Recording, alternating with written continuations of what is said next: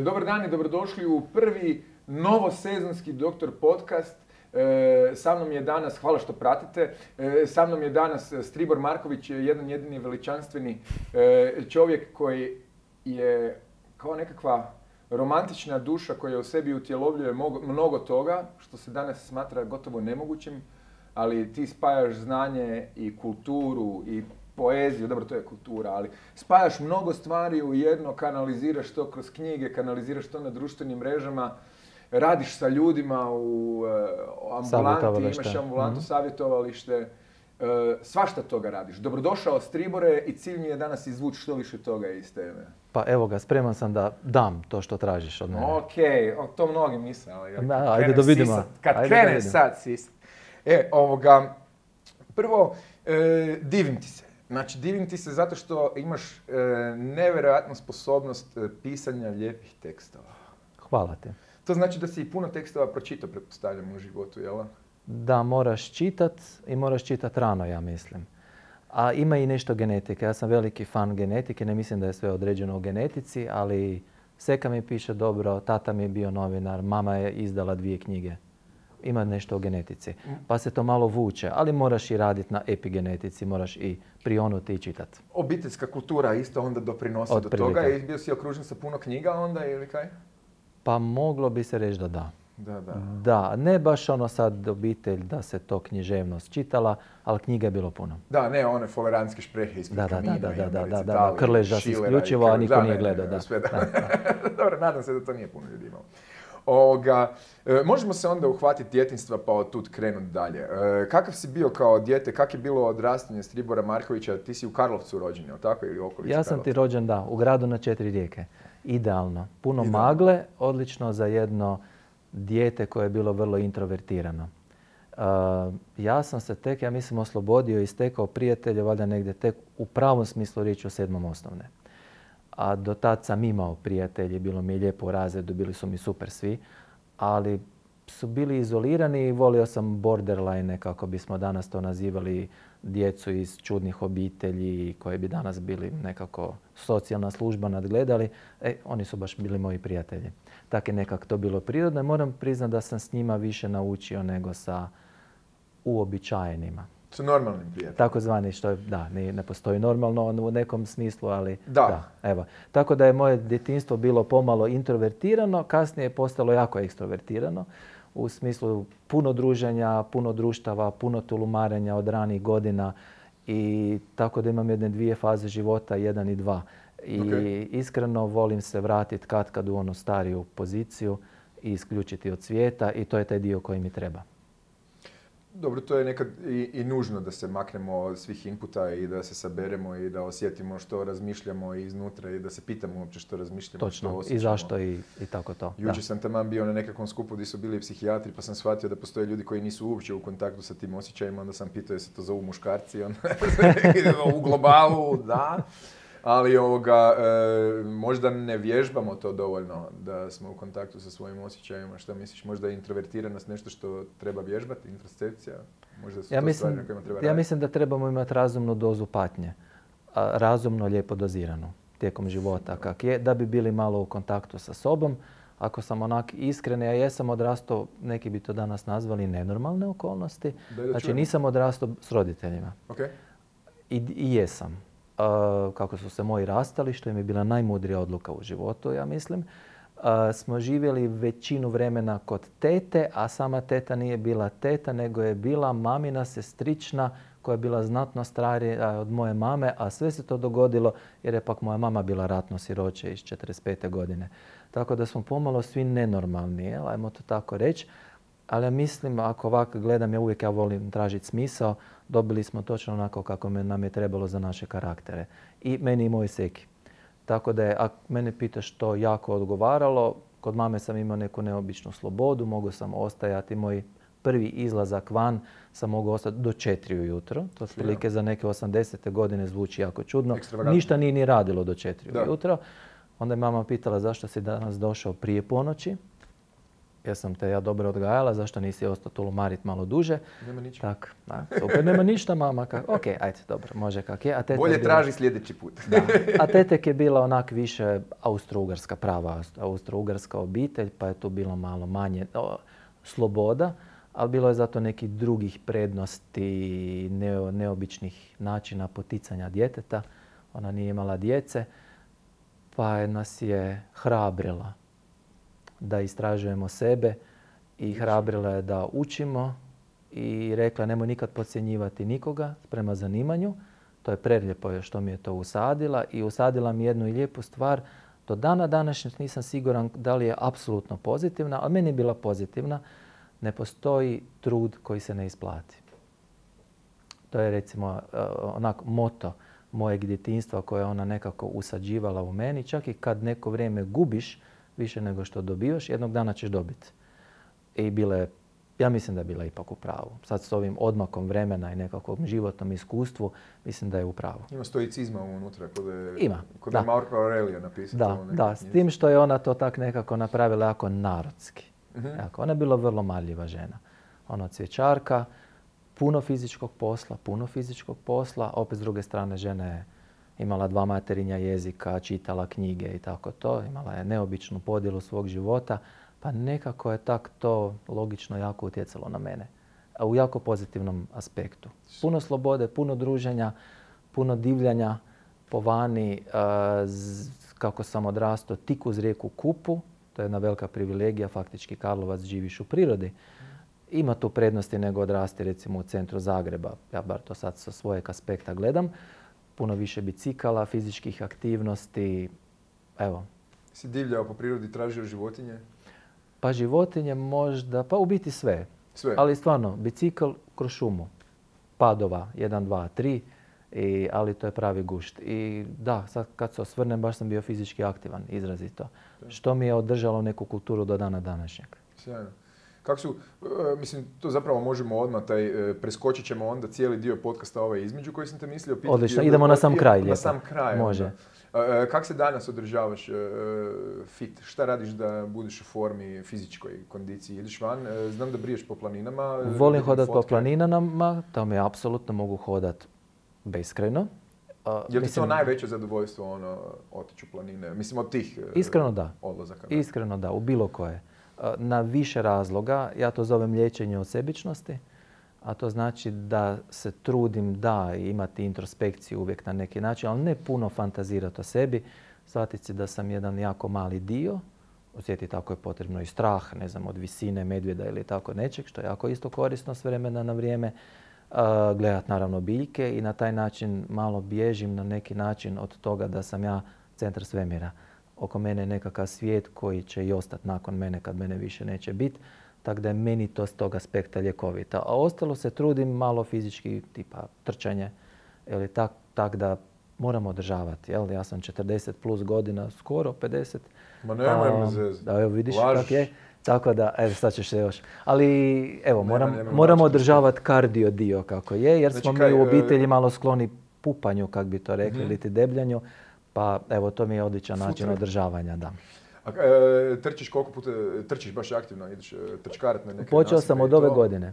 Od ove, godine sam shvatio da mi nije dovoljno hodanje, planinarenje. Da, treba propuhati mašinu. Svaki drugi dan. Super, neka. Kako ti je išao taj dio? Ja se isto trebam aktivirati. Svim koji gledaju predlažem da ako nisu da se probaju aktivirati. 36 kuna aplikacija na mobitelu. I to je to? Da, koju sam dao ženi koja vodi školu trčanja. Rekao da ti sad meni reci, osim što ćeš gledat posturu, neko mijenjat kako trči i tako dalje. Da li je ovo, veli ona, pa ja tako radim sa ljudima. Aha, hvala. Ok, evo pa je meni to bilo jako korisno. Da, i jedna je zgodna stvar što je to na neki način volim mijenjati stvari u životu, to nisam nikad radio. E, zadnji put sam trčao kao student, iskreno to je bilo neaktivno, jel, kak je. Pa mi je ono bilo, gle, pa mogo bi to promijeniti i probati. Da li možeš trčati sat vremena? Mogle, pa može se. Super. Evo, to je recimo meni zgodno, naprosto shvatim, aha, nije dovoljno samo paziti na prehranu ili paziti na ovo ili ono.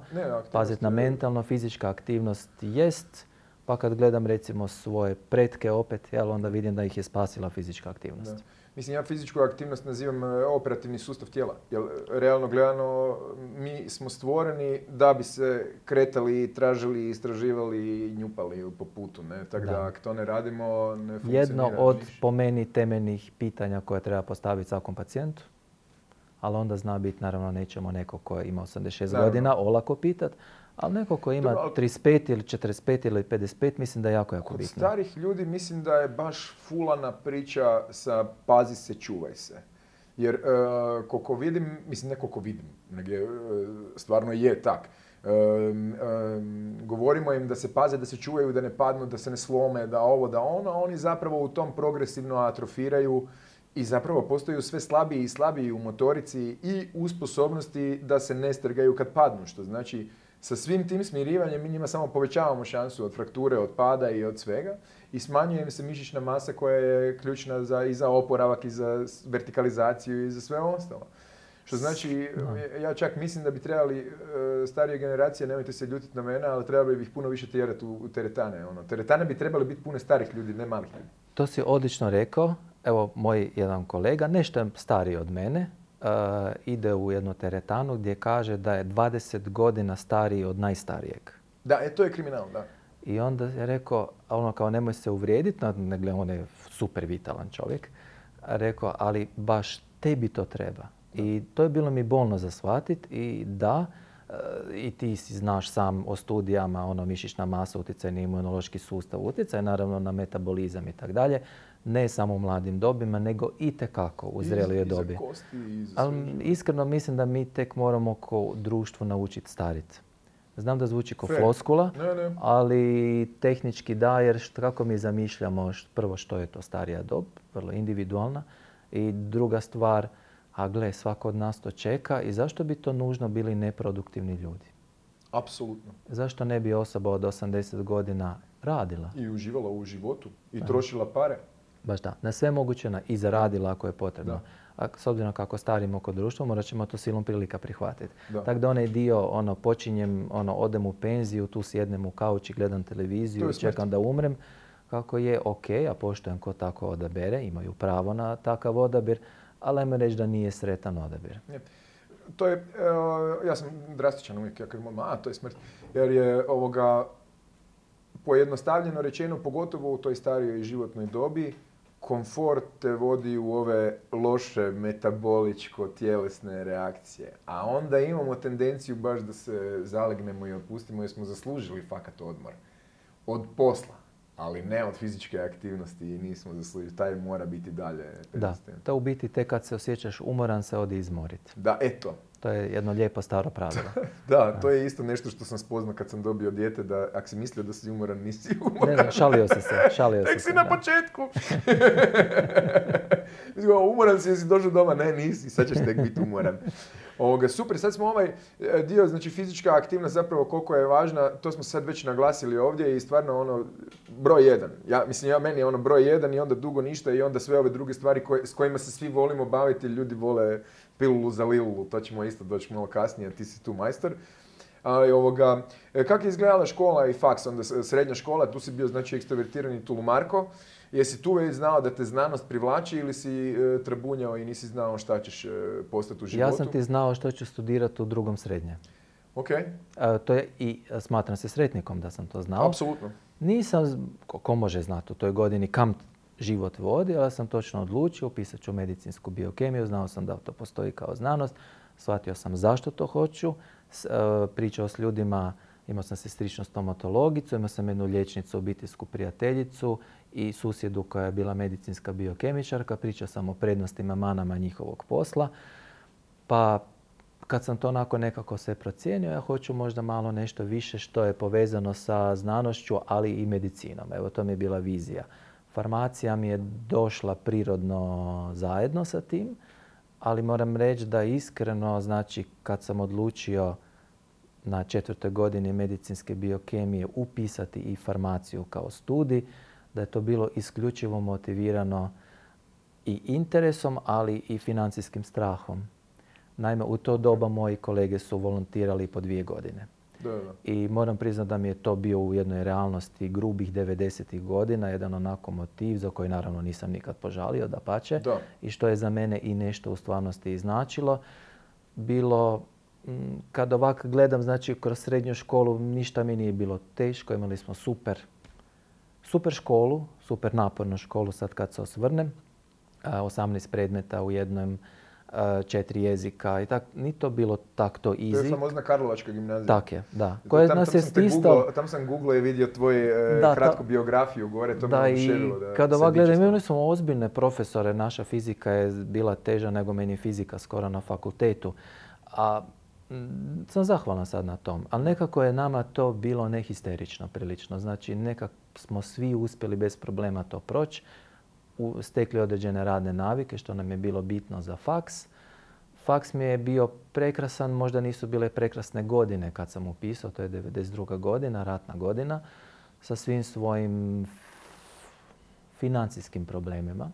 Ok, i tada je baš bilo prava jedna neimaština koju jako dobro pamtim i koju se ne treba žaliti nad tim. To je prekrasno iskustvo jer iskreno kad se hraniš u su godinu dana nakon svega toga ti u životu sve jako ljepše što je iznad toga.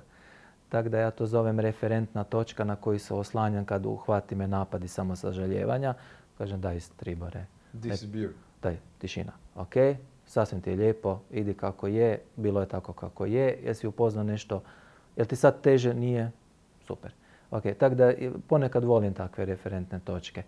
Super kolege na faksu, jako puno je kolegica prije svega bilo, jer to je jako ženski fakultet izrazito i to je bila jedna simpatična ratna godina gdje smo puno dobili Sarajlija, nažalost, ili na sreću. Ovisi kako je, obogatilo nas je to nekakvim drugačijim pogledima, jel, pristupima, gledanjima. Bili smo kao jedna mala onako juga pod navodnicima u malome i nekako je to tako jako bilo ugodno. E, možda je bilo mi naporno zadnje dvije godine paralelno studirati to i raditi. Znači ono, i studirati farmaciju i biokemiju raditi diplomski. Ali sam isto sam sebi rekao, gle, pa to se točno sjećam. Sad imaš snage, imaš. Go for it. Možeš i tulumarit i raditi diplomski i spremat. Znači, ako je to to, možeš lijepo to proći i stvarno mi nije bilo posebno to napadno. Kako si bio tako razboriti čovječe? Ono, A zato kaj sam ti ja... Bolje da ne pričam što sam ja razmišljao u tim godinama, ono neugodno mi je. E, ono, zato što ti sam ti ja... Ljude, je bolje, ti si se A ja sam ti uvijek htio biti onak iskreno rečeno, ono, da, iskreno rečeno sam možda sad sretan u ovim godinama jer sam ja od uvijek htio biti stariji nego što jesam. Pa tak, to je to. Ali to je i utjecaj starijih ljudi ono, austro-ugarska obitelj, pa odrasteš s nekom koji ima 80 godina i ogromno ono, iskustvo iza sebe, pa ih pokušavaš imitirati. Evo, to je bilo to. Da, ja sam ih pokušavao iritirati. Ista stvar, samo slovo zamijeni. Da, samo su malo zamijenili. Samo zamijeni slovo. Kako si bio na faksu, ovo me interesira za sve mlade koji nas gledaju i studiraju nešto što je srodno biokemije, farmacije, neke te istraživačke biologije, pa čak i fizike, čak i informatike se danas i matematike ulaze u područje biomedicine. E, kakav je bio tvoj znanstveni e, krug na faksu? jesi već na faksu počeo istraživati radi znanstvene radove, jer te zainteresirala znanost tada, jer si mislio da ćeš više biti praktičar, što i jesi. Šta je, ti si jedno i drugo i treće i četvrto. Meni je ono, bilo... I praktičar i filozof i teoretičar i... Da, sve. Nema šta nisi. Nema šta nisi. da. A ovisi, da, da, to neki zamjeraju mi ponekad kak je, ali ja ne zamjeram. su ljubomorni, ja sam ljubomoran. Ljubomoran pa sam već na to da si pitao ljudi sa 18 godina što da, di da ideš, ono, a kamoli na ovo drugo, ja ne znam stvarno, evo, ljudi iza kamere se smiju isto. Nema. Da, ok, ja sam od uvijek htio biti ona kako zovu homo universalis, tako jako puno to znate, ono široko, ali na faksu da, imao sam krasnu mentoricu, profesoricu Medić Šarić, koja je bila onak pravi majčinski tip, što je meni jako drago, opet s druge strane velika profesionalka i koja je bila otvorena prema studentima, studenticama koji su pokazivali dodatni interes i meni je to bilo već tad, a zanimljivo u edukativnom smislu, neću zaboraviti, mi smo radili skripte za Sarajevski fakultet, taman su to bile nekakve 95. godina kad se iole nekakav postratni period i onda mi je već tom bilo lijepo participirati, primjerice. Jel, radili smo za jedan kolegi farmaceutske kemije, odradili tada jedan zanimljivi rad skupa sa jednim mojim prijateljem i kolegom sa elektrotehničkog fakulteta, tako da sam imao prilike upoznati barem na toj razini studentskoj sajensa, malo to nije bio biomedicinski, to je, mislim, pardon, to je sve to biomedicinski, a ne bilo kao fancy genetika ili takve neke stvari. To je došlo kasnije.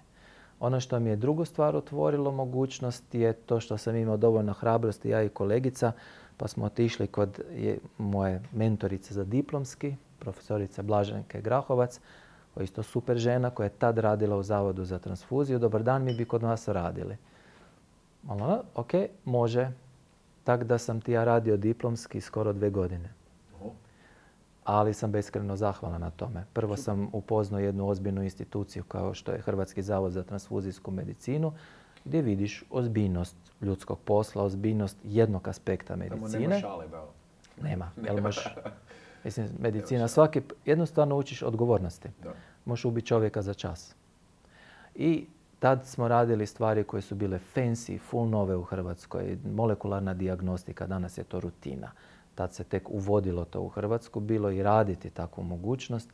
Bilo prekrasno. Izolirati DNK svoju prvu, to zapamtiš ko prvi poljubac. Znači, stvarno posebno, Kad wow, da vidiš ju, ovaj, ovaj. lijepo je kak je. Tako da to smo dobili priliku. Umnožiti svoju prvu DNK, umnožiti svoju prvu RNK kao tako i to lijepo polako gledati, izolirati iz upropaštenih uzoraka DNK, to neću zaboraviti, iz koagulirane krvi koje je krivo neko pokupio doslovce kak je, pa smo iz toga izvlačili. Puno improvizirati, što je za to doba se moglo dopustiti u tom dijelu. I meni je evo to bilo krasna jedna mogućnost dobiti već kao ono, ja bih rekao, dijete pod navodnicima, u znanstvenom smislu, znači kao vrlo mlad čovjek mogućnost da to radiš. Tako da sam ti, u stvarnosti sam najviše zahvalan učiteljima, znači koji, ti, koji su otvorili mogućnost, aha, tebe to zanima, ja ću te istisnuti, kak je, i pošpotati ako je to potrebno, i pohvaliti ako je to smatram potrebnim, ali pustit ću te da radiš. I da nije bilo takvih ljudi, znači ja sam mogao biti radi diplomski bilo kad, u 11 na večer, 11 na večer. Bilo mi je super, tad sam još pušio, bio grozno, ali sam pušio sa čistačicama dok su ne čistile tamo na večer i pili kavu lijepo zajedno. To su romantični trenuci dok čekaš da ti se nekakva reakcija napravi. Pogotovo s tim ljudima je uvijek lijepo i posebno, ne znam. Da. E, ti si spomenuo isto neke mudrosti, ovo malo prije e, mene to asociralo na mog dedu, isto on me učio da nikad ne gledam ljude po pasušu. To je isto jer je rekao kao, nikad ne gledaj ljudi po pasošu, budala ima svugdje. Da. tak je bilo.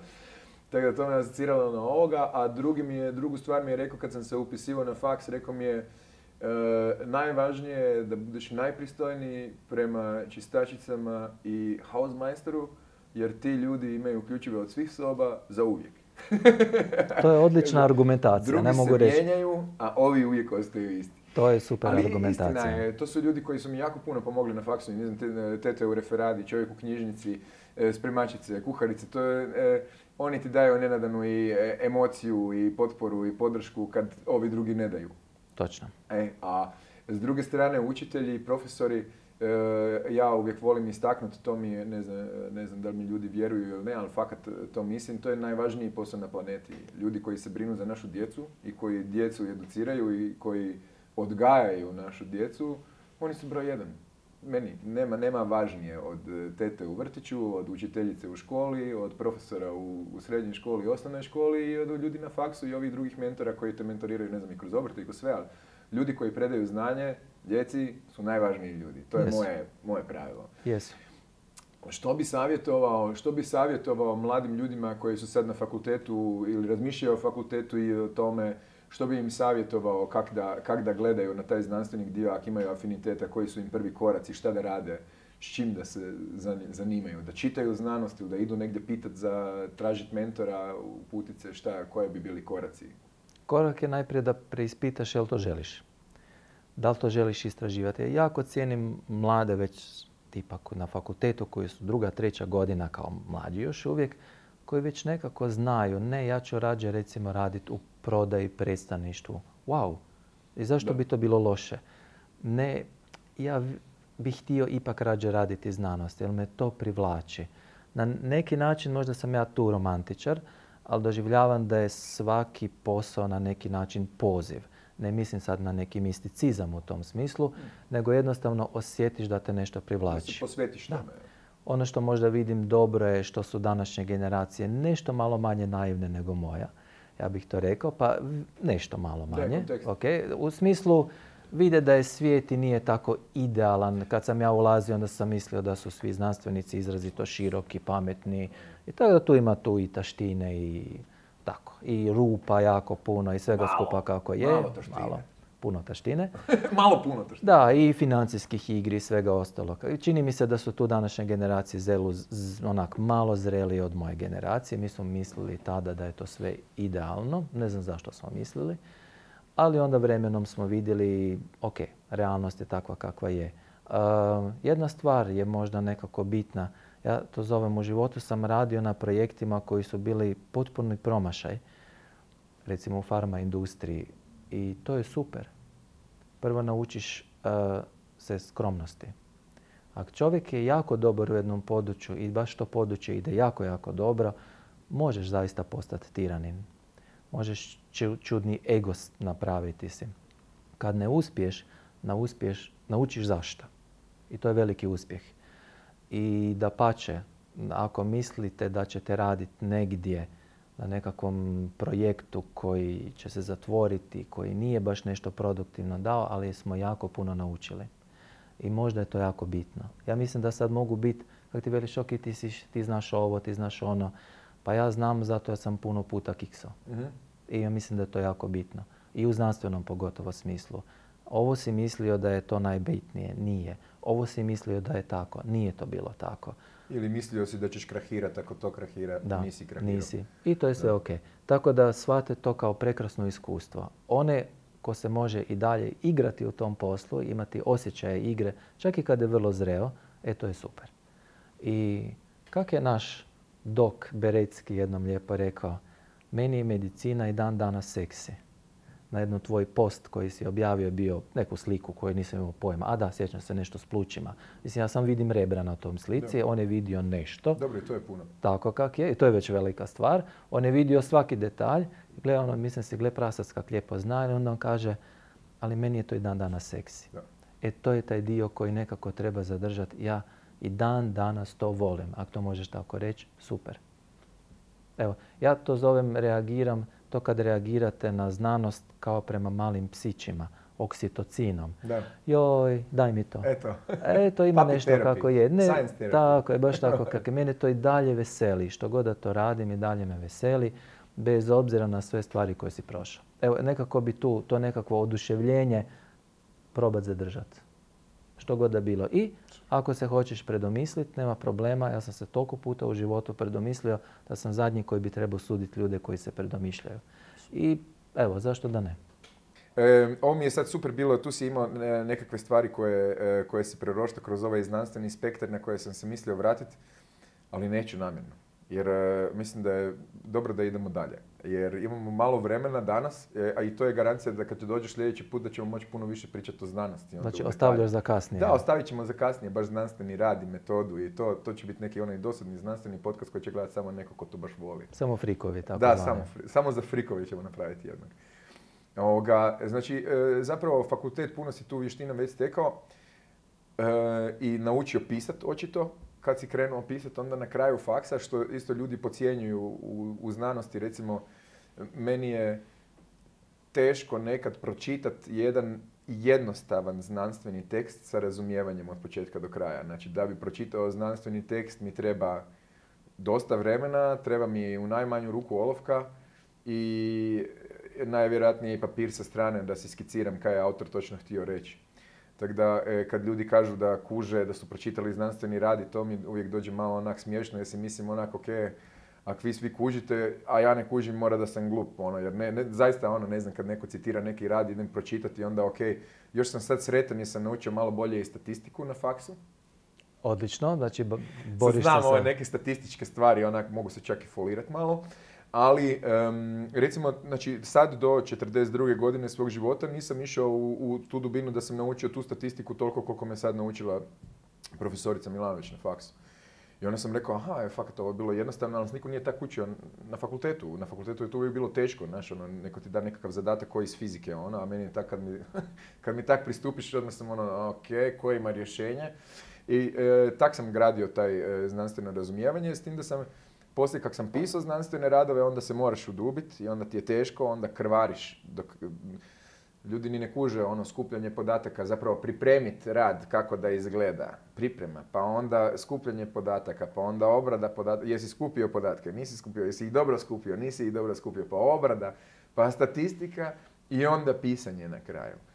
Gotovo mogu reći da mi svaki od tih koraka pričinjava nevjerojatno e, napora puno osim možda prikupljanje podataka, to mi je bio najdraži dio. I to, taj, taj dio paše uz moju osobnost i to mi je bilo ok. Ono, tipa napisat zaključak ili diskusiju, znači rađe bi si nogu odrezao skoro danas iz perspektive. Ono, to bi mi jednostavnije pasalo nego napisati jedan dobru, dobru, kvalitetnu diskusiju gdje kad ja pročitam si kažem ovo zvuči dobro. Ono, to mi je teško jako. Ono. Tako da se divim svim ljudima koji to imaju.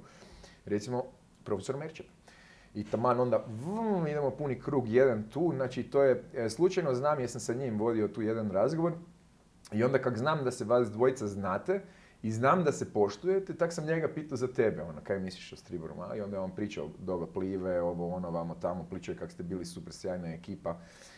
Tebe je malo nahvalio u smislu kao kak si dao širinu koju, koju rijetko ko može dati uopće u polju svega ono, tako da je bilo lijepo slušati kako on govori o tebi. Pa sam htio pitati tebe, e, kak ti je bilo raditi u Plivi, kak to si onda došao u sustav? Kak, je bilo, kak, je bilo, taj, kak je taj dio za tebe bilo? Ja sam ti Plivi beskreno zahvalan kao tvrtki, nije reklama što sad da, ovo govorimo. to, pričamo, je ono- objektivni život. A to je da sam ja iz nekog koji je stvarno ono, je u Zagrebu u Caritasu došao do toga da sam mogao mami dati novce svaki mjesec. Jer ona pak sirota imala plaću 90 i kako je mogla imati. I tu je Pliva mi pomogla, stipendirala me zadnje dvije godine. A došao sam doslovce lijepo pokucao, ja bi stipendiju. I oni su ozbiljno poslušali mene. Popričao sa psihologinjom, dan danas je pamtim, Mesić se prezivala, preziva i prekrasna je žena i onda me je pitala, razgovarali smo bili i sad sam ja već nekako smo mi čitali pravila kako treba u razgovoru, a možeš jedino biti prirodan, iskreno u razgovoru na posao. Sve drugo se osjeti kad je. I onda me je zaposlila zbog toga što sam volio čitati Tokina i ruske realiste. Rekla je, aha, vi sanjate, ali niste nerealni.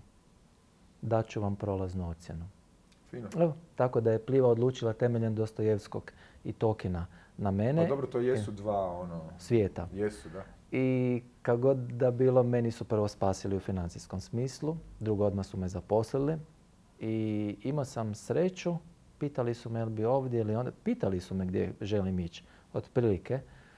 I nekako mi je, ajde, mi je onak bilo do doktora, znači Merčepa.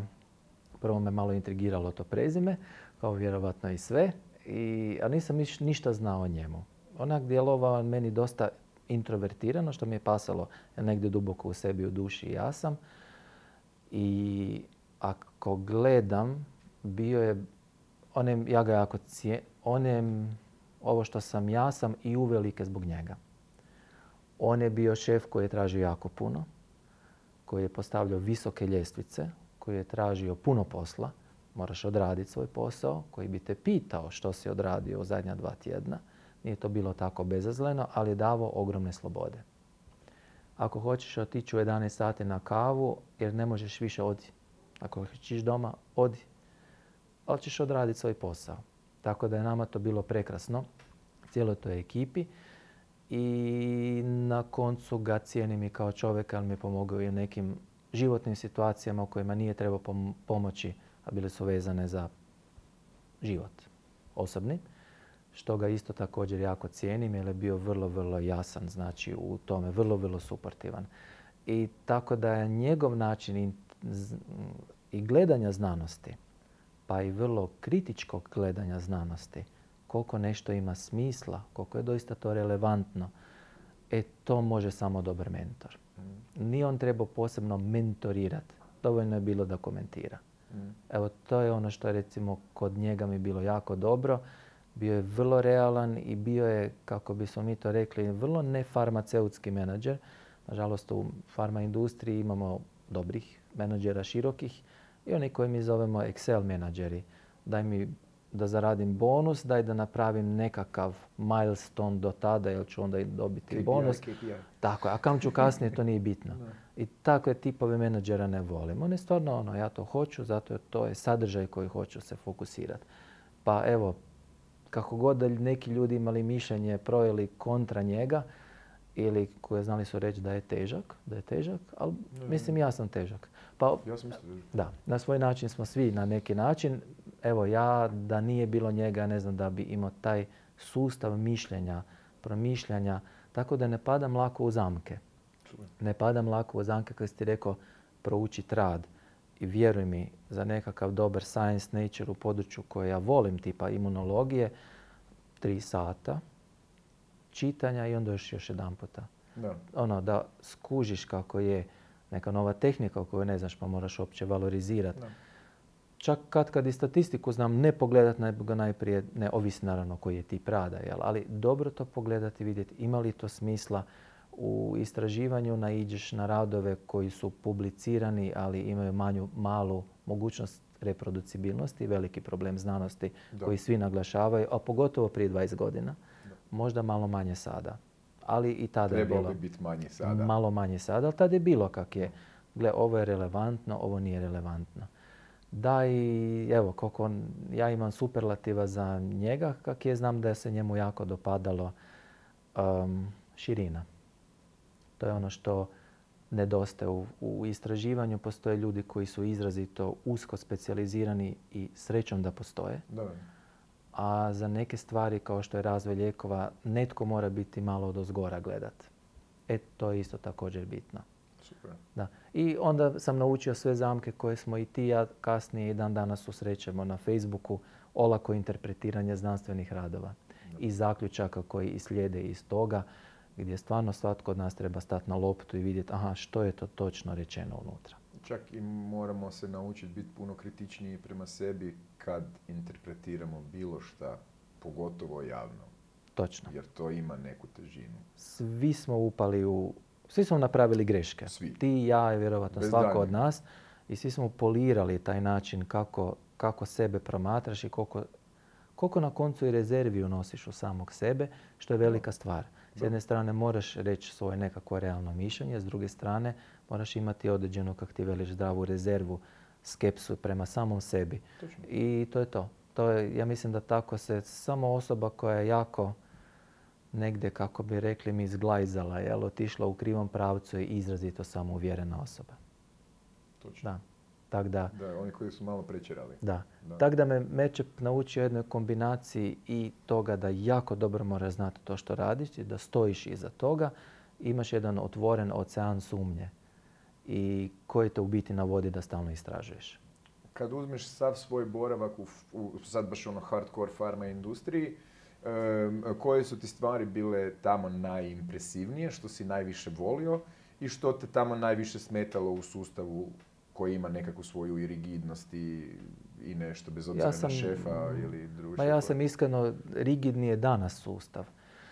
Danas nikad ne bi mogao raditi lako, kod nikad neću reći nikad, pardon, ali ne znam da bi se mogao vratiti nazad u taj sustav koji je postao daleko, daleko rigidniji nego u doba kad sam ja radio.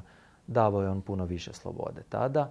E, što mi se dopalo, više novaca. Ne govorim sada na osobnoj razini, moja prva plaća je bila niska, čak i u tehničkom smislu tada u odnosu na recimo kolege u ljekarnama. Znači mogao sam puno više imati plaću, duplo, duplo u, ljekarni u odnosu znači na istraživanje. I kasnije ona malo naraste, nego mogućnost e, nema štednje. Ako ti hoćeš nešto napraviti, morat ćeš to napraviti, od tebe se očekuje, ali neće farma industrija štediti na tebi. I to se govorimo zaista o visokim ciframa koje si oni mogu priuštiti. To mi je bilo pozitivno za neko ko je znati željan da si ti možeš priuštiti da si kupiš pet plazmida i da ti to stigne komada DNK, jel, za, jel, da ti stigne u roku tjedan dana, a moji kolege na Ruđeru su u godinu dana ili dva. Još ga čekaju. Još ga čekaju. Pogotovo tada. I ono, to, to je jedna određena sloboda koja se dobije. Drugi je problem što većinu toga ne možeš publicirati. To je druga stvar. Ako misliš patentirati, nema publiciranja. E, pardon, ima kasnije. Da, kasnije. Da. Prvo, Ali do tada prvo nema. Teši. Prvo teši, jer ništa od toga ne smije izaći van, što mene nije osobno nikad frustriralo. Možda da samo napomenemo, možda ljudi ne znaju, ali jedanput kad znanstveno objaviš nešto, to se više ne može patentirati jer je već javno objavljeno i dostupno i svi smiju raditi s tim što god hoće. Tako je. U grubo rečeno. U grubo rečeno. Kak je vidim da neki ljudi sad spominju rado patent 1, patent 2, znanost se mora odlučiti u kom pravcu ide, da li je moraš patentirati pa ćeš čekati s publikacijama, ili ideš odmah. Možeš raditi paralelno nešto što publiciraš. Ali da, to... rade one neke, e, kak bi to rekao, teaser publikacije na skupovima i to, ali to je više smiješno izgleda. Tako je. Onda, to izgleda malo neobično. Imamo tu nešto super što ćemo patentirati, ok, super. Da. da. Znači evo, to je to. Druga stvar, naučiš se profesionalnosti, naučiš se gledati jako široko, radiš sa multidisciplinarnim timom gdje imaš od patologa do kemičara. Mhm. Koji svatko da neki svoj doprinos. Ja sam učio od svih mojih kolega mislim to je doba spužve kako ja to nazivam, mm. gdje ako, mm, imaš iole mozga naučit ćeš jako, jako puno. Tako da taj dio možeš dobiti i ono što se meni dopalo, što isto danas ne bi bila više mi odlika jel, te slobode, sve sam prošao od in vivo, in vitro, cito, sve, svašta. Nešto što danas nije tipično da se dogodi. Evo, to je ono što je moj šef meni omogućio doslovce kak je. I to je recimo meni lijepi dio farma industrije. Uh, striktnost, gle, ne možeš ti tako olako nešto. Kako god da ljudi danas imali čudno razmišljanje o farma industriji, uvijek su ga imali, ali ne možeš tako olako staviti lijek jer to smo i vidjeli kako to završava. Ako guraš nešto što ne treba, nastat će problem. Što mi se nije možda dopadalo su neke disproporcije u primanjima između farma industrija voli savjetnike, nisu svi baš kvalitetni. Ako mene se sad sa sadašnjim mozgom i godinama gledam, neke ne bi platio ni kune. Ali eto, to je nekakva faca iz Velike Britanije ili iz ne znam Švedske pa to zvuči jako lijepo i fancy. Dobro se prodaju. Dobro se prodaju. Ok, to mi je problem i taj jedan menadžerizam sam za sebe. To mi se nikad nije... Ko birokracija sebe radi. Da, da, samo birokratski dio menadžerizma gdje neke stvari se odrađuju, zato je se tako to odrađuje. To nikad nisam pretjerano volio, mada poštujem da naravno neka struktura mora postojati kao takva, ali ne volim igre zakulisne, sad kad to govorim tipa ko će koji projekt gurati i tako mhm. dalje. Prvo sam mislio da to samo u farma industriji, onda vidim da je to i u znanosti i u Hrvatskoj. I, kod udruga. I, kod svega kako je. pa sam se maknuo ideje da je to samo farma industrija. Da, to je na svakom Da, tako da evo, striktnost, naučiš jednu striktnost. Kako god, ono, kvaliteta ti je sve podataka koje imaš. E, to se, I moraš... o kvaliteti naučio tamo, jel tako? očuvanje kvalitete, kontrola kvalitete i to. To kasnije sam naučio, van istraživanja. Istraživanje je još raskalašeno u odnosu na kontrolu kvalitete. Ali to kasnije još naučiš, ono striktnosti u cijeloj priči. Znanost je jako još uvijek fleksibilna, čak i u nekakvom researchu unutar znači samog ono farmaceutskog researcha, a ove striktnost malo kasnije naučiš. Ali evo, meni se i daju jako puno pristupa podacima, znanstvenim radovima. Za nekog ko je prirodno znati željan kao što sam ja, to je raj. Da, tad, tad nije ni bilo tako lako pristupiti znanstvenim člancima i tako dalje. Nije Imaš sve. Da. Imaš sve. Tako da jedna takva biblioteka je značila puno. Da. Ovoga, što te od znanosti danas najviše interesira i pali? Rekao si imunologija. E, što što čitaš, e, s čim se baviš, što proučavaš, gdje volim gutaš, gdje gutaš znanje svaki put, na šta si preplaćen pod navodnicima, šta je. Da, meni recimo, da meni Facebook jako dobro posluži zato da pratim nature i science i ne znam, Journal Experimental Medicine i takve, Jama i tako. Znači sve nekakve recimo članke koje on objavljuje, imam ih u prioritetima, vidim neke novosti. Generalno me malo više imunologija pali, to je istina, jer to je jednostavno nekakva inercija koja nije loša inercija, ja bih rekao, jer je to sve hot jako sada. Onkologija, imunologija, hot i sve skupa. Pa onda čovjek gleda kako je čitao stvari prije 10-20 godina kako su neke postale lijek. To je wow, ja bih mm. rekao. Ono, gledaš ono prva sjemenja koja su zasađena da bi došao do nečeg dalje. To volim, e, mada iskreno volim, puno čitam. Ponekad izgledam samom sebi ko kolektor podataka. Pa onda već moram paziti što su me isto moja profesorica engleskog me to naučila. Stibore, moraš naučiti što smiješ preskočiti, smiješ zaboraviti. Tako da si s nekim radovima dopustim određenu razinu površnosti, s nekima ne. Tako da, evo, pazeći naravno da to je gdje je na određenoj razini površnosti da... Tamo gdje je zaključak jasan da je zaključak dosta jasan. Tako da je onako ono kak je. Sad neću ući puno u metodologiju jer me ovu sekundu ne zanima toliko koliko nekakav zaključak kao imam povjerenje prema tome. Da. Evo, to je recimo da, sva, da svašta pomalo pratim. Što od tehnologije ili znanstvenih istraživanja te danas jako, što je danas uzbudljivo ili čemu se nadaš u budućnosti? Što je, koja ti je tema hot i od koje teme očekuješ, ne znam, ono, kako smo, ne znam, prije 20 godina sam se nadao da će uskoro nanoroboti plaziti po našim žilama i rješavati Čistit bolesti. stvari kako je. Da, ali dobro, o tom potom.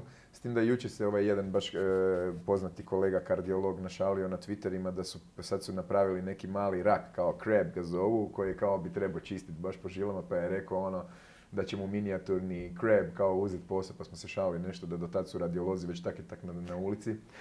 Ovoga, ali koja je tebi e, sadašnja tehnologija i gdje vidiš ono blisku neku budućnost, čem se veseliš, čem, na šta si nabrijan, ono, a to dolazi ili kada znam. Ili recentna znanstvena otkrića koja su ti bila wow, ovo je spektakl tipa ne znam, ovaj, CRISPR. recimo slavni slavni je koji omogućuje, pogotovo ga najviše gledam u kontekstu naravno genetskih bolesti, jel? Da, Mada mislim da ima, nema... Ljudi, možda ne kuže svi šta znači CRISPR i zamijeniš, Zamijeniš jedan gen za drugi. Ukratko, kako je... Ukratko možemo se jednostavnije igrati sa On, prije genetska manipulacija nije bila tak jednostavna kako se ljudi zamišljaju. Da. I to mi je onako tih teorija ura, to mi je onako, kao, izvadili su gen, stavili su onaj gen.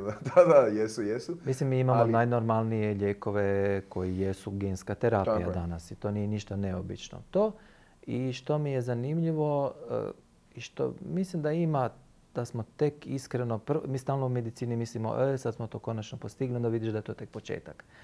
Eh, karte recimo terapija, Rekao si da si imao podcast o tome ili imaš da, od podcast o tome? o tome, snimili smo neke materijale o karte. Super, recimo, gledao sam kad se rađala ta tehnologija bila i čitao o tome i onda čovjek vidi, ok, vidi naravno danas i neke nus pojave koje su zbog nekih određenih nespecifičnosti, koliko će se to dorađivati, ali specifičnost imune reakcije u onkologiji mislim da će se tek još do kraja istražiti.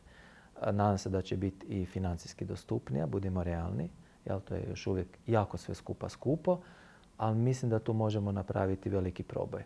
To je onak jedna stvar. I druga stvar je dosta neznanstvena, ne, pardon, nije neznanstvena, znanstvena je, ali jako praktična. A to je što mene zanima da ne gledam jednu stvar kao uzrok. Odnosno, jako me pali zadnjih nekoliko godina, kako to zovemo, preventivna medicina. Mhm. Ja znam da svatko od nas ima drugačije razmišljanja što preventivna medicina jest, ali ja bih rekao da je to mrežno razmišljanje. Slažem se. Gdje je teško, gdje to više nije samo kolesterol. Slažem se, to je da. pitanje. Znači, to je, kako, smo i sami rekli, ok, koliko se fizičke aktivnosti nabaviš, kako jedeš, kako ovo, kako razmišljaš, koliko imaš stresa u životu, koji ti je mikrobiom, koji ti je koji Ti je ja, sve. Kako si epigenetski se izrazio danas, a kako ćeš se izraziti za tjedan dana? I na koji način možeš utjecati, a da se to ne pretvori u zarobljavanje nešto da. poput ortoreksije, jel, kak je. tako ono, jel postoji naziv za ortoživljenje? Ne znam, ali taman sam htio pitati jel postoji naziv za ortoživljenje. Sad bi ga trebali sklepati s tribore, možda bi Nešto sa životom, ono, ortovita, nešto, ok, naći ćemo nešto, nešto, ili iz grčkog ćemo probati. Ortovivanti, ne znam, da. da, ti nađi, ti si taj čovjek. Da, tako da ćemo nešto smisliti oko tog, da ne budemo zarobljeni, jel to ja već... Pošalji, onda ću ja to voice overom ubaciti.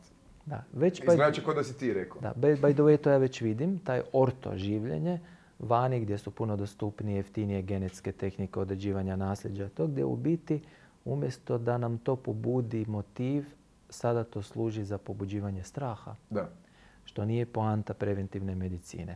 Ok, tako da jedan dio mi je usmjeren na izrazito praktične aspekte. Aha, što je to doista tipa iz hrane, iz fitonutrijenata, iz mikronutricije, makronutricije, kako god da to gledali, kak je, lifestyle generalno, mjesta gdje živiš na planeti, koliko mikrobioma, jel? koliko je to doista negdje doprinosi, što je smisleno od toga djelovati na to da zaista si pomogneš kvalitetu života. Nisam fasciniran s tim da živimo vječno, ne znam koliko dugo ili tako dalje, samo sam fasciniran da si pomognemo da temeljem našeg nasljeđa. I iskreno mislim da smo svi tu dosta, čak i kad smo jako široki, Mislim da će nas tu trebati lagano nadomještati AI da. ili ti umjetna inteligencija.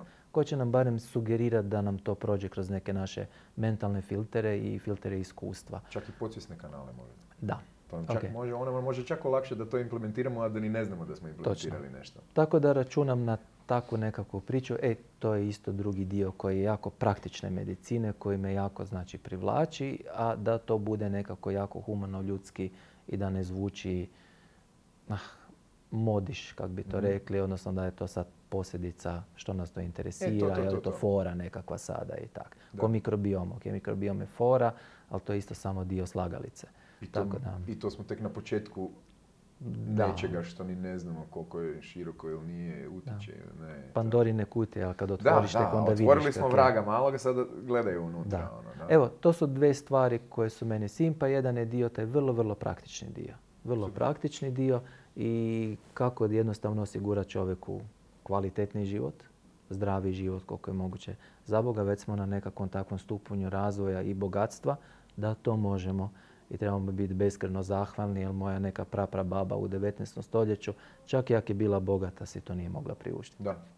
A, znači, mi smo a danas to skoro pa je moguće za mainstream već. Ono, da. Ne, ja sam se išao sad, volim se raspitivati oko svih tih novih metoda, pa sad i u Hrvatsku dolazi, ne moraš više van slat uh, ili DNA, ispričavam se, jesam to rekao na glas Jesim, jesam, jesam. jesim, ne? jesim. ne moraš Možeš više stolicu reći, da, da. To ćemo voice overom. Da, da, Biće, da E, ne moraš stolicu ili, ili slinu slat van, nego sad ima i ovdje. Srećom ovih tih nekih testova i to. Ja sam e, taj o, e, ortovi vant, ne, šalim mhm. ali volim feedback, ja volim spoznaj o sebi, ono, to, živim za to i da mene oslobađa, ne, ne, ne stisne me, nego me oslobodi. I, ovoga, i, sad se veselim svim tim novim testovima, iskreno rečeno. Ne? Hoću vidjeti ovaj, Inače, by the way, genetiku sam dobio nazad, ne, i ispalo mi je sve sa zelenom kvačicom, ne, sam rekao ženi, da, rekao sam ženi, ono, evo ti na. Nećeš biti udovica. ja sam gotov. ja ne moram paziti. Evo ga, ali... Um, dobro su mi nekak genetske karte posložene, što je, mislio sam da, da neće biti tako ali ovoga, e, znam koliko mogu napredovati u, u ovom e, realnom životu sa svojim ponašanjem i tako dalje i znam da imam još puno prostora jer sam ono, grešni čovjek koji svi mi ne? i onda taj dio me veseli. Ona kao, a, samo ako povećam malo tjelesnu aktivnost, već ću napraviti, ne znam, 10% tu. A, samo ako to, onda sam među 10% tu. I tako da tak neka gledam na to. Što ti još radiš, osim, pričali smo o ovoj tjelesnoj aktivnosti, koji su neki tvoji ono, važne stavke u tvom lifestyle, zdravstvenom, na koje ti paziš, ono, klopica, spavanje, druženje. To je jedna komponenta, oprosti, koju malo prije sam htio reći, ali me odbukao ove. Ovaj. kad smo pričali o onim stvarima koje su važne. E, jedna stvar koju vrlo često zaboravljamo spominjati, pogotovo u ovakvim e, kontekstima gdje smo mi kao znanstveni i biomedicina, jer kao nema veze, a zapravo ima jako veze, je društveni život. Jer mi smo prije socijalna svega, bića. Mi smo društvena prva bića, male, ne čimpanze. To je prva stvar koja nas definira zapravo. I ono što sam rekao kao najvažnije se kretat, korigirao bi se ne i rekao bi prije toga je još važnija ta društvena, društvena okolina. Jer baš mi punica neki dan je bila izjavila kao Ma je, fige, najvažnije je da se riješiš, ne, znam je sad bila toksična ili sam ja sad rekao toksična, ali ono, zlih ljudi u životu. Što sam rekao, ono, fakat da, to je prvi preduvjet, jer prije toga se ne možeš ni baviti fizičkom aktivnostom, niti biti zdrav, niti ići normalno spavati, bilo kaj, dok si okružen sa toksikom. Tako da društveni život je vjerojatno ono, e, ključna isto neka stvar, ali na to možeš i ne moraš, ali koje su ove stavke zdravstvenog života koje Na koje pazim. Da. Prehrana, da me ne bi krivo shvatio kak je, volim ja grijeh povremeno.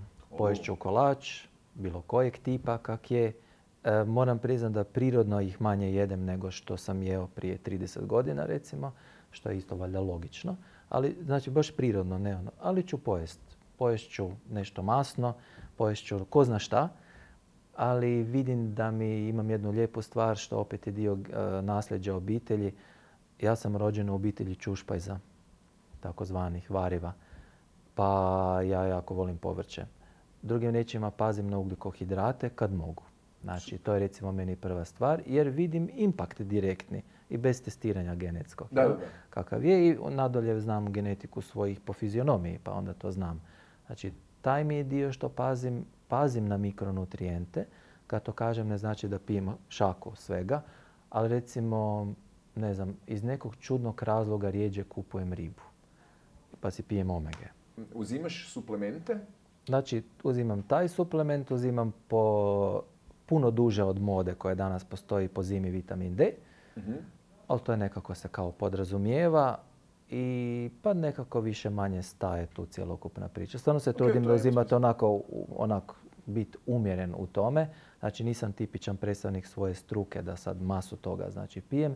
Ovisi o fazi, naravno, jel života, ali generalno je to to. I više se zaista pokušavam kroz prehranu paziti. Znači ja nosim na posao ja skuham ručak. ne uzimam vani. Danas ću recimo uzet, ali inače sebi kuham. Evo, tako da taj dio sam usvojio još davno kao jednu kulturu ponašanja prema sebi. To je jako dobra... Socijalizacija, to se dobro rekao, i ti i ja radimo poslove koji znaju, htjeli mi to priznati ili ne iscrpiti. Mhm. Pa ponekad znam biti asocijalan. Ja mislim i imam te neke, nisu čak i faze, to zna biti preko tjedna, onda tek vidim kada se podružim koliko mi to godi. Pa sam se trudio okružiti, kako si ti rekao, e, makni toksične ljude, ukloni, do, stavi dobre ljude, e, ljudima koji me pozivaju na socijalizaciju. I to mi je super. Da, to je. Jer ja znam da i trebaju me ponekad podsjetiti na takve stvari. I socijalizacija ne mora značiti nužno da moramo klafrati ili pričati jako puno Recimo zato volim planinarenje i društva gdje možemo šutiti ako je potrebno tri sata, ali smo tu nekako... Da je sve rečeno. Tu smo zajedno. Šutimo, sve je da, Ali, ali smo zajedno. I ono sjećaš se da si ti sa nekim kako je, i to je prekrasan osjećaj. Tako da socijalizacija nije samo to kavam, žlabramo, ja i ti sjedimo ovako i pričamo, nego je puno više od toga. Pa evo, na, to je ono na što pazim. Pazim na stres koje je to moguće, znam da je to floskuletina, dobro, ali... imaš neke posebne metode stres mitigacije, jesi bacaš u hladno, jesi Wim Hof, jesi, jel hit shock proteinaš, jel... Šta radiš? Od heat shock proteina volim saunu, relativno rijetko zima i tako, ali to volim. Recimo, eh, od nekakvog ti, nisam neki, probao sam meditacije, da pa će to me palilo nekoć jako puno. Danas nekak mi to nije, imam nekakve te drugačije načine mentalnog i fizičkog opuštanja tipa to doslovce prošeće se negdje. Jel, i Što je samo... fakat jedno najboljih načina za najefikasniji. Za sve živo, A svoje misli ću pospremiti onda na taj način. Znači to i pazim koliko se opterećujem. Ja sam tip, e, to uvijek ide žrtva s tim, koji bi htio sve. I e, ono kao, ako mogu ja, mogu, mogu ja to. To ti je poznato, pa sam se naučio reći ne, ne mogu, nemam vremena za to samom sebi i drugima. Kako to kažeš to? prije mi je bilo v, mm. a sad, im kažem, gledajte, ja igram stvarno na kartu potpuno iskrenosti. Ja kažem, totalno ste me zapalili sa tom idejom, ali ja stvarno za to nemam vremena. Ja znam da bi ja kiksao. Ja znam da bi vam odgodio utorak jer ionako imam nešto drugo si navedeno ne bi vam bio dobar o tome. Nemojte računati. To moram naučiti. Znači...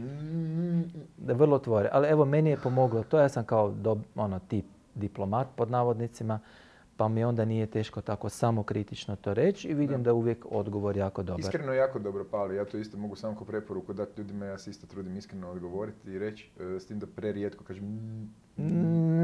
Ne. A nije teško, nije to ovako, jezik staviš ispred zuba i to ide. Probat ću kasnije. Probat ćeš. ne. u ofu, kako službeno. Ovaj. Da. I e. da i stvari onak ne mogu pomoć, ne znam. Ne znam dovoljno. Da, da, to, to, jako liječnik koristim često jer mislim da je jedna od glupljih grešaka si davat e, za pravo da misliš da znaš. Sve. A kad znaš da ne znaš. Taj dio, kad znaš da ne znaš, tu mi nisu jasni. I sad dolazimo do zadnje teme koja, iskreno da ti kažem, mene najviše pali. Jel? Ovaj farma dio, znanost dio, istraživanje dio, taj svebor, ok, taj mi je, uh, takve svebore poznajem. Okay. Uh, Ali... stribore ću ne svebore, stribore. Jel možemo okay. ovo izbrisati? Jel možemo ovo izbrisati? Ne, ok, ispričavam Nema potrebe. Ja, to radim normalno, ono, zašto ti ne bi zvala sad svebor ovdje? Ispričavam se. Ali, um, ovoga, Znači, farma dio taj ima neke. Ali te pale biljke, ajde priznaj. Da, pale me biljke. Da. Biljke me pale. Znam, zato me svi zovu, jel tako? Fito, ja sam kao aroma, svime... Fito, fito, aroma, aroma i ok. Znači odmah da krenem, ja u glavu odmah iskreno direktno. Ne? Mene užasno me interesirala alternativna medicina na početku faksa ne zbog alternative medicini, nego šta to tamo ima a šta mi ne koristimo, a mogli bismo, ne? I onda, ne znam, prvo je bila ovakva knjiga Ayurveda, kineska medicina, ono digla a, tri prsta, puls, ovo i sad sve to pročitaš i misliš si, ok, realno, šta da valja, već bi koristili, da, da ono, da fakat, je, u, da liječi nešto usporeda sa zlatnim standardima u medicini, znaš koliko smo rigorozni, nekad ne, nekad jako, nekad ne, nekad popustimo pritisima pa priznamo i nešto što, ali ajde, nek vam bude, i tako. E, fitoaromaterapija nosi u sebi nekakvu narodnu mudrost. Nosi sa sobom nekakve stotina godina korištenja travara, ljudi raznih koji to Ima nekakva i znanost iza toga, znam da tipa, ne znam, ludi švabi, oni vole to istraživati pa onda naprave nekakve istraživanje i tako dalje. Ja kad sam nešto tražio, tipa za ne znam... Uglavnom su švabe. Uglavnom su švabe, da. Mada imaš tu i nacija koje podcjenjujemo poput Iranaca. Recimo, oni vole publicirati puno o tom području i investiraju i određena sredstva u tom području, što je uvijek bitno. Ne možeš kliničku studiju napraviti na nula eura. To je onaj dio sad ja baš hoću doći. Ne? Znači, tipa imamo stolisnike. Ja, ja imam sreću da je moja punica Fito Arma Ninja učila i od tebe, učila je uz tebe i tako dalje i tako dalje i zna jako puno, ekstremno puno, pogotovo za to svoje podoblje i tam imamo sreću da su stolisnik, smilje, svi ovi naj, e, majčina dušica, ružmarini, klasiki, ovi ovaj, to, ne mislim, ne moram pričati. Sad, Mene fascinira branje toga, uživam s njom u, u prirodi, berem, šećemo po brdima, nema ničega, vidiš ježa, vidiš kornjaču, vidiš zmiju, znači ono, ta je, ta povezana sa prirodom je ne, skoro sam neko ne Da, da, mhm. to je toliko lijepo, to je toliko relaksirajuće, meditativno, sve. To je sve u jednom. Integracija i druženje i učenje i ono, baš integracija svega što ima smisla, a to ima veze tim s našim skupljačima i lovcima i to i u dvoje i ajmo i pas je tu i sve, sve paše. Gdje ćemo mi s tim travama stribore? Kak zake ne postoje više istraživanja zašto u to ne ulažemo novce, nije mi jasno. Znači, ako neku travu nazivamo tipa hajdučka trava koja liječi sve, i koju doslovno, ne znam, zadnjih 100 godina prepisuju za sve. Kaj god da te boli, popisi čaja stolesnika mu te izlječilo. Um, znaš, nemamo ovaj, kontinuirano investiranje u istraživanje tih biljaka kojima smo okruženi, koje ovdje rastu, za koje mislimo ili znamo ili nagađamo da imaju nekakav potencijal za ovo, ovo ili ono. Zašto to ne istražujemo? To je moje prvo i osnovno pitanje prije nego što krenemo na ljubav prema fitoarama i ono. Da, i prije nego što krenemo odmah da ti kažem da je to sljedeća etapa mog života. Pa to te pitam, ono, Znači, to je sljedeća ono, etapa mog života koju hoću provesti. Nisam naivan sa svojim godinama. Kako piknuo, a? Da. Sam piknuo, imam. Gdje hoću, naime, WHO je rekao jako lijepo, ok, ljudi dragi, postoje tradicionalne medicine, različitih načina i tako, mahom se svodi na skupljanje farmakoloških aktivnih tvari u prirodi, odnosno tipa to najčešće u biljnom svijetu. To je sve jako zanimljivo, gomile knjiga, gomile tradicionalnih priča, etnomedicine i tako dalje. Ok, dajte to ispitajte.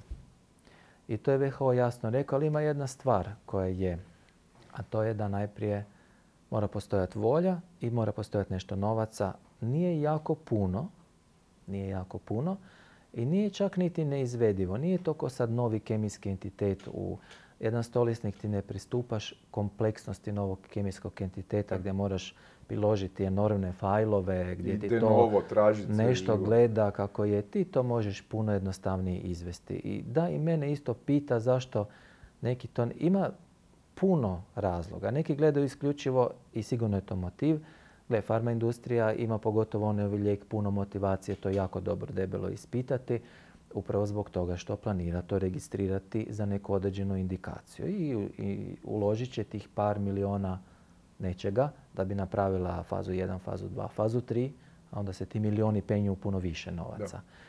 I to razumijem da je to. Ali s druge strane smo se u, ja ću biti jako samokritičan prema struci koja voli biljke baš smo se uljuljkali u jednu ljenost tradicije. I ja gledam recimo u moje dragoj omiljenoj Francuskoj s čim sa nekim stručnjacima oštro ne slažem, ali to je i ljepota života. U znanstvenom smislu ne slagati se s nekim gdje imaš jednu grupu ljudi koja, to i u kineskoj tradicionalnoj medicini postoji kao problem, a to je da je kao, svatko od nas je preindividualan da bi ti mogao napraviti kliničku studiju. I kak bi rekli englezi, I don't buy it. Mm. To ne može biti točno. Znači, jedan cistitis, ako ti utječe to da li je osoba ima primjerice depresiju i anksioznost ili nema, mm. da utječe kod akutnog cistitisa na efikasnost nekog lijeka, onda to nije lijek. Ja hoću imati dovoljno snažan korektor koji će mi u znatnom postotku populacije, neovisno o njihovim dodatnim bolestima, komorbiditetima, dakle nešto odraditi. Tako da je to prva stvar ako sam jako samokritičan. I zaista to vidim, ne samo u Francuskoj, Njemačkoj, SAD-u, ponavljam Kini pogotovo. To je samo ako je nešto hladno, toplo, nije ok, ja poštujem tvoj sustav razmišljanja, ali onda objektiviziraj. Onda nađi te hladno tople. Da, djeluje kod ovih, ne djeluje kod I onda mi napravi u tome kak je. Znači to je prva stvar koju ja vidim kao jedan problem. Druga, a to su indikacije.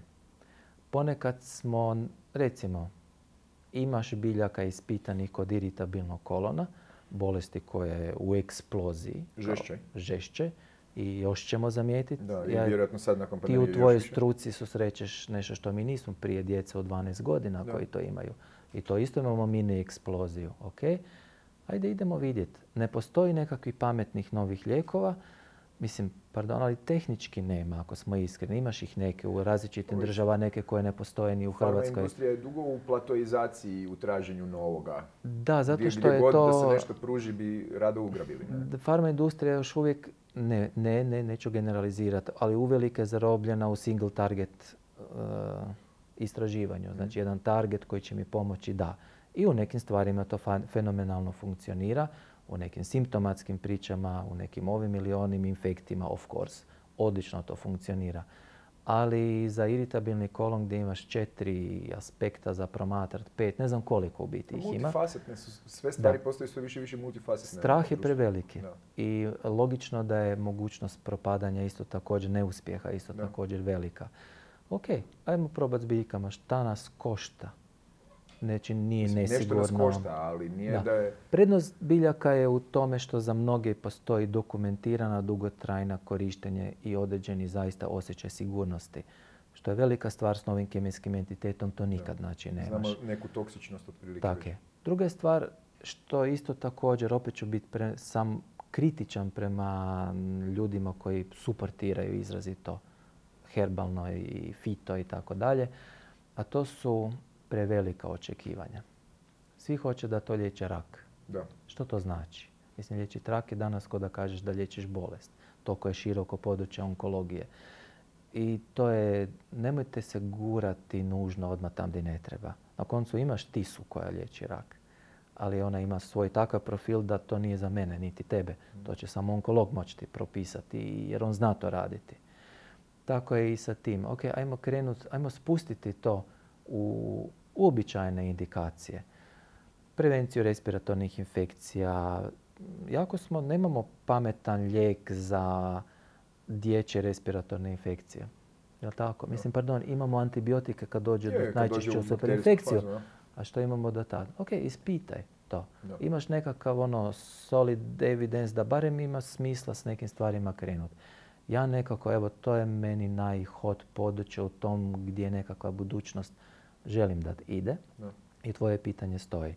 Za neke stvari im nužno ni ne treba ili već imamo čak solidnu razinu dokaza. Jedna valerijana ili ti odoljen, često ljudi gledaju kao relativno banalni lijek, ali za sebe ima dovoljno studija da je Europska agencija za lijekove rekla gledajte, mi to odobravamo temeljem studija koje postoje. Zato postoje dovoljan evidence da, da je to tako kako je.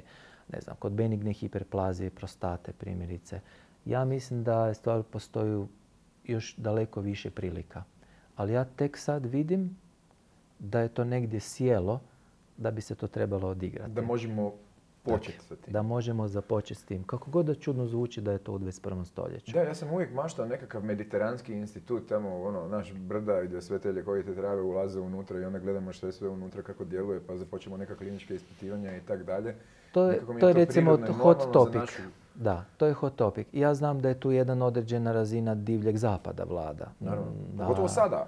Divljeg zapada u smislu to da možeš prijaviti, staviti na tržište gotovo bilo što, da nije čak niti bitno kakav je kvaliteta i sastav u tome. i Moje sljedeće pitanje je koliko štetu nanose tu e, šarlatani u, u tom području, kojih nedvojbeno ima.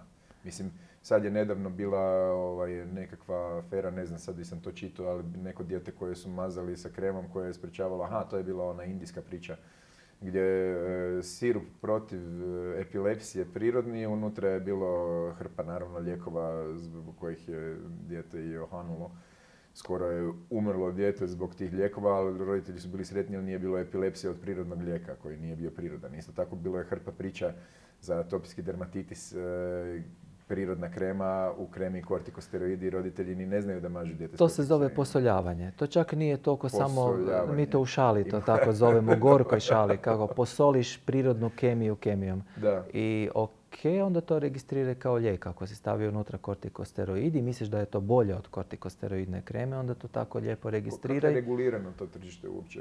Problem je u tome što taj dio gdje dodaješ skriveni spoj unutra je problem planetarni, odmah da se razumijemo. to je, planetarni problem. Neke stvari srećom nisu niti došle do nas. Niti ću davati ideje ovdje, čak ni u podcastu, što se možeš dodati unutra. Amerika ima takvih problema, ali recimo stvarno lijekovi koji zahtijevaju sustavno praćenje pacijenta dodaju se nekontrolirane preparate. Mm potencija, of course, šta mi muškarci razmišljamo, jel? Tako je to. A nikog ni ne interesira ako je stojko, stojko, Tako je, šta je unutra. I samo da funkcionira kako to je. Ali naravno vuče sa tim da je bilo i hospitalizacija zbog toga i u Hrvatskoj. Samo naravno niko neće to pričat, nego možemo samo ovako reći anonimizirano. To je zato što su muškarci. Muški su u pitanju. Da su žene bi ih razapinjali po novinama i rekao vidi šta je radila. evo. To je da, kulturološki problem. To je jedan aspekt problema koji je novijeg datuma. Navodi šarlatane koji ne moraju samo biti u tom aspektu. Šarlatan je po čem, često se, kako razlikovati neku baku koja ti je dala čaj od šarlatana? Šarlatan tipično voli biti pretenciozan. To je tipična stvar. Ja mogu sve, ja mogu izliječiti najtežu bolest, ja znam uzrok i obično igra na kartu ja etički svemoćan u odnosu na nekog drugoga koji je etički grozan. To je crno-bijeli svijet. To funkcionira na Facebooku savršeno, to vidim i ti i ja to vidimo redovno mm. i nažalost imaju ne mali broj pratitelja dok se ne razočaraju. Evo, to je takav problem. Šalatana prepoznaješ po nerealnim obećanjima. To je redovni problem i zaista to kad ne možeš liječiti ako ne znaš uopće što je ta bolest a to se znalo događa da se genetske bolesti pokušavaju liječiti nečim prirodnim što ne možeš, jel ne može ni medicina, jel? ali očeni roditelji su to znali tražiti. I po tom nešto, i agresivnosti, to se često se tom vidi. Drugi je problem... Spremnost za dijalog. Da. da. Odgovor na pitanje, recimo. I zadnji dio koji predstavlja industrija. Industrija suplemenata koja ne mora biti loša per se, samo je pitanje da li doista stavljaju dozu koju treba, kvalitetu koja je potrebna. Rigoroznost je niža. Negdje smo malo pobrkali lončiće na nivou Europske unije i čini mi se da će nam trebati godine da to malo posložimo. Bivša Jugoslavija je imala dobar put, ne, ne, nisam nekakav nostalgičar, ali oni su imali pljesove, pomoćna ljekovita sredstva koji je nadgledao sadašnji Halmed. To nije bilo loše kao da, ideja. Da, halme da Je, bilo je to možda za sadašnje doba bi to bilo nedovoljno, ali za ono doba je bilo wow, to nije Europa imala. Negdje, bar je zapisano negdje. Negdje je pa pametnije napravilo, kako kak je barem neko odabirao možda dozu ili tak nešto. Ok, velim imalo je tu puno isto također mana, ja to razumijem, ali nekakav određeni red to treba postaviti. Recimo primjer jedan, iz, to volim često kao studiju navoditi, Eh, biljka stresa, rodiola, rozea, ružičasti žednjak, jako omiljena jer stres imaju svi, efikasna je. Kad su istraživači radili u Velikoj Britaniji, nedavno je to bilo, prije par godina studiju, ispalo je da točno 100% proizvoda na tržištu nije kvalitetno. Da, da, da. To je veliki problem. To je najme 100%. Da. I što znači, ćemo mi sad napraviti? Gdje je među njima bilo i totalno sintetski substanci dodano u nekim situacijama unutra, mada bi je marketing govorio potpuno suprotno. Evo, to je, nisu srećom sve biljke tak, žrtve takve kvalitete, ali to je to. I doza. Ne možeš ti očekivati, ja često znam reći, ok, ne možeš davati premalu dozu. Danas bi liječnika kaznili kada bi liječio, ne znam, infekciju urea plazme sa 100 mg azitromicina. To nije doza s kojom se liječi ta infekcija. Pa tako je jednako i u biljnom svijetu. Nije to rijetkost, a to je problem doze. Toliko problema otvoreno da zvuči pesimistično, e, ali, meni je zvuči jako challenging, odnosno pozitivno u smislu ok, ma znaš dobro šta treba mijenjati. To je kao u znanosti, možda ono, to ne znam ko je to rekao, možda čak i, i ali e, e, kad odgovoriš na jedan upitnik, onda se iza stvore još tri upitnika i onda samo te vuče dalje da ulaziš u to. za kraj, da te ne zadržavam previše i da ostavim nešto i za drugi put jedno pitanje koje me osobno interesira, a siguran sam i mnoge ove gledatelje, a to je što od tih biljaka konzumiraš u obliku, ne znam, krema, macerata, kak se zovu, hidrolati i, Sve živo, ostale je. te ati. Što posebno voliš, ne znam, koja ti je najdraža biljčica? Meni osobno, ne znam, evo, ja sam veliki fan obožavam i pridajem mu nadnaravne magične sposobnosti ovome, ne znam, čaju od masline, list masline. Obožavam je zlatna boja, taj list masline i nekak sam povezan sa tim, valjda kad to vidim, onda mi je ko da sam na... I nije ono, ti gorko? Ne, fino mi je. Ono, lagano trpko, ono, lagano trpko, ali volim taj okusić. I od majčine dušice, to kad, znači dok ju berem već maštam taj čaj e, od cvjetića majčine dušice mi užitak. Ono. Koje su tebi favoriti, ne znam, iz, iz, iz biljnog svijeta? Šta voliš i zašto? Koje je tvoje obrazloženje? Meni je čisto vizualno, ja sam taj vizualni, ja popušim odmah. Eh, tako da pitaš hobotnicu. Popušim marketing biljke i čaja odmah. To Da, ono. tako da pitaš hobotnicu čije je mala hobotnica je najdraža. Tako je. E, Koja je mala okrutno... hobotnica e. ti je najdraža? Au, to je strašno. Ono, Od svega. Ti, kaj, koji su ti favoriti? Znam ti pišeš o tome, to ljudi koji ne prate, odite na Facebook, pogledajte mu to, kupite zadnju knjigu, samo je pričanje o životnim e, e, pričama koje su povezane sa prekrasnim fotografijama i tak. Ono što, da, da, Da, da. Ok. E, još uvijek ostajem da ovu biku koju sam spomenuo, rodiolu rozeu, št, biku stresa, volim. Okay. Jer ju pijem redovno kad imam napornije periode života. ne zato što sam bolestan, nego zato što pokušavam tako smanjiti nivo stresa, a da funkcionira, ne da me uspava. Mislim, jedno je popiti biljku ili lijek smirenja pa si smireniji. Ovo mi jednostavno pomogne da taj stres odradim sa većom lakoćom i s manjim posljedicama po mene. I to je ono što ja jako volim. Nije baš neki placebo efekt, to je stvarni nekakav efekt. za toga stoje znači, i studije. Evo, pak me pitaš, je još uvijek mi je to omiljena biljka možda i zbog toga što i ti i ja, ali ja recimo sad sudim o sebi, ulazimo u takve situacije gdje imaš tjedne ili mjesece kad moraš intenzivnije raditi. Mhm. Onda se malo to smiri pa onda ti to ne treba. Evo, to mi je nekakav favorit. Imaš da isfurat to? to ćemo iza tezge. Zagasi kameru, zgasi kameru. Ovo ćemo izrezati van. okay. A druga stvar koja mi je simpatična, ok, to je to i nema tu dalje filozofiranja, si pitao za jednu, ali ipak ću se nasloniti na jedan mali detalj koji si cijeli spektar biljaka rekao, što me jako pali za ono što sam ti govorio, a to je preventivna medicina. Mnogi biljke doživljavaju kao intervenciju samo. Aha, ako mhm. imaš nekakav problem ili eventualno prevenciju nekog problema, pa ćeš to onda uzimati sa tim ciljem. E, jedna od stvari koja je meni jako draga, a to je gdje biljku promatramo kao čaj kao hranu. Mhm.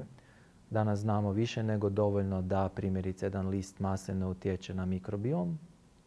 Nije to pitanje zaštite kardiovaskularnog sustava samo. Gdje to uzimaš zato što ti je a fino, ne zato što je to ortoreksija, ali ti je netko rekao da će živjeti zbog toga duže.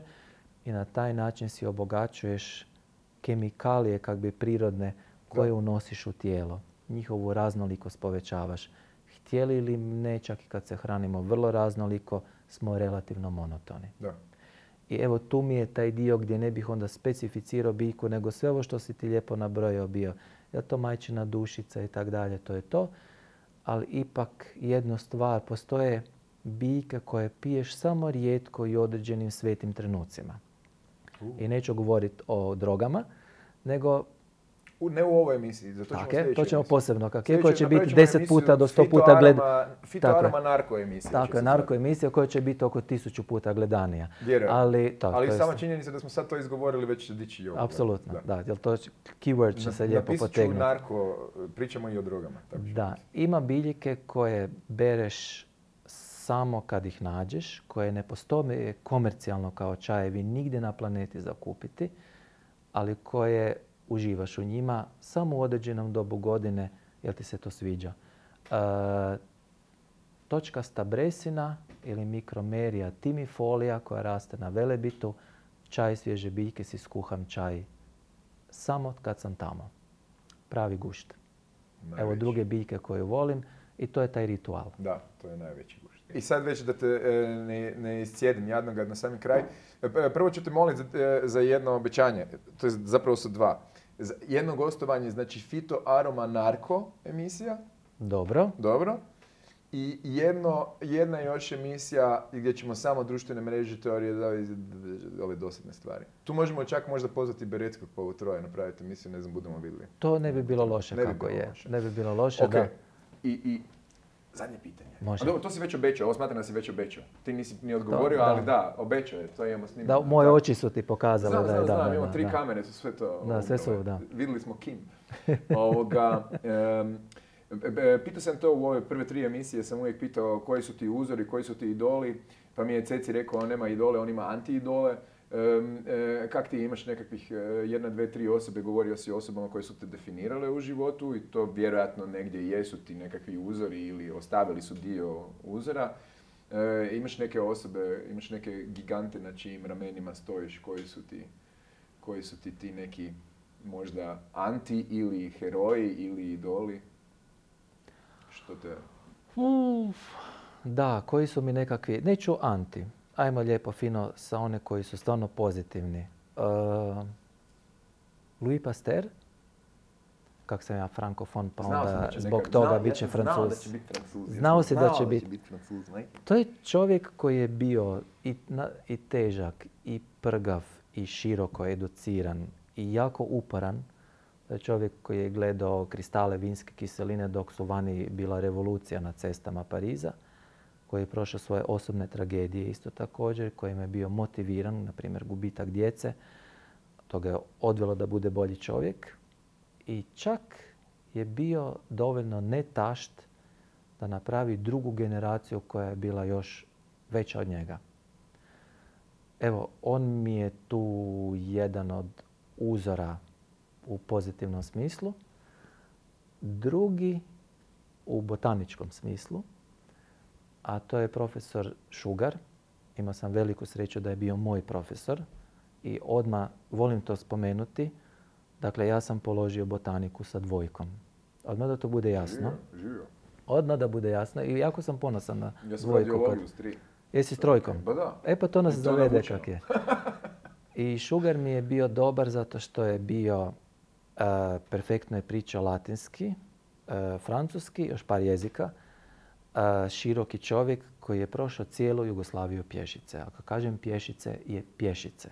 Znači on je radio kartografiju flore Jugoslavije. Mislim, to je velika država nekoć bila. Sve je to prošao. I moj, inače, pokojni inženjer Brkić koji je s njim hodao, on je bio, vodio naš vrt botanički, on je rekao, Stribore, nemojte da vas zavara njegov intelektualizam, on vam je veliki fizički radnik. I kad je on nas vodio na Velebit i ovako dignuo biljku i počeo pričati o toj biljci. Ne kemiju, ne djelovanje, nego što je Plinije stari rekao o njoj. Rekao, hoću jednog dana biti kod ti, ali mi još mhm. prerano. E, to, to, to, to. E, pa sad je to kak je, tako da mnoge ove priče što čitaš, ok, to su posljedica svega, pomalo, ali jedna stvar je koja mi stalno njegov ton glasa zvuči, koji danas ja prokleto imam. Čitaš čitaš u njegovom tonu, jel tako? U njegovom tonu. Kad čitaš svoj tekst, pišeš u njegovom tonu. I kad, sam, on, kad smo bili studenti, izvadio ovako jednu sprešanu malu biljku i kaže Omnia arboris minima, najmanja od svih stabala. Malena ovako vrba, salix appendiculata i koja je čak raste na Balkanu, ali ja sam je prvi puta sreo u Švedskoj, jer to je ona prirodno raste na tundrama i zaista ne može biti veća od ovako maloga jer u takvom okolišu sa toliko malo ljeta ni ne može biti drugačija i sjetim se isto također onda njega. Tako da svaka, sva, sve što pogledaš ima svoju priču. Pa to je ono što radim sad na društvenim mrežama. Aha, sve ima svoju priču. Pogledaj utičnicu, ona ima svoju priču. Pogledaj biljku, ona ima svoju priču. Pogledaj bolest, ona ima svoju priču. I to biti nevjerojatno su većina tih priča jako tople. Tako da se ja iskreno čudim zakaj se svađamo na Facebooku stalno. Da, nema smisla. Da, nema smisla. E, hvala ti puno, Strivore. Hvala tebi na strpljenju. Ne, ovo je bilo fantastičan gušt, meni je bilo prekratko, ali ne mreš, duže. ne, ne, ne može više. I zato hvala što si isto i obećao i pristao da ćeš biti u još dva onda gdje ćemo pričati još o drugim temama. Znači sad bi trebali teaser baciti, bit ćemo takozvani narko kartel fito, narko, narko. ćemo imati još. Ne bi vjerovao, nije to samo koka, ima tu zanimljivih ne, stvari. Ne, to uopće... Znači, cilj nam je uhvatiti cijelu, širinu, tako da ljudi e, nauče što šta. Ovoga, puno ti hvala što si došao, puno ti hvala što si sebe podijelio s nama i nadam se da ste vi jednako uživali i naučili nešto kao i ja i e, družimo se sljedeći put. Ćao, bao, bok.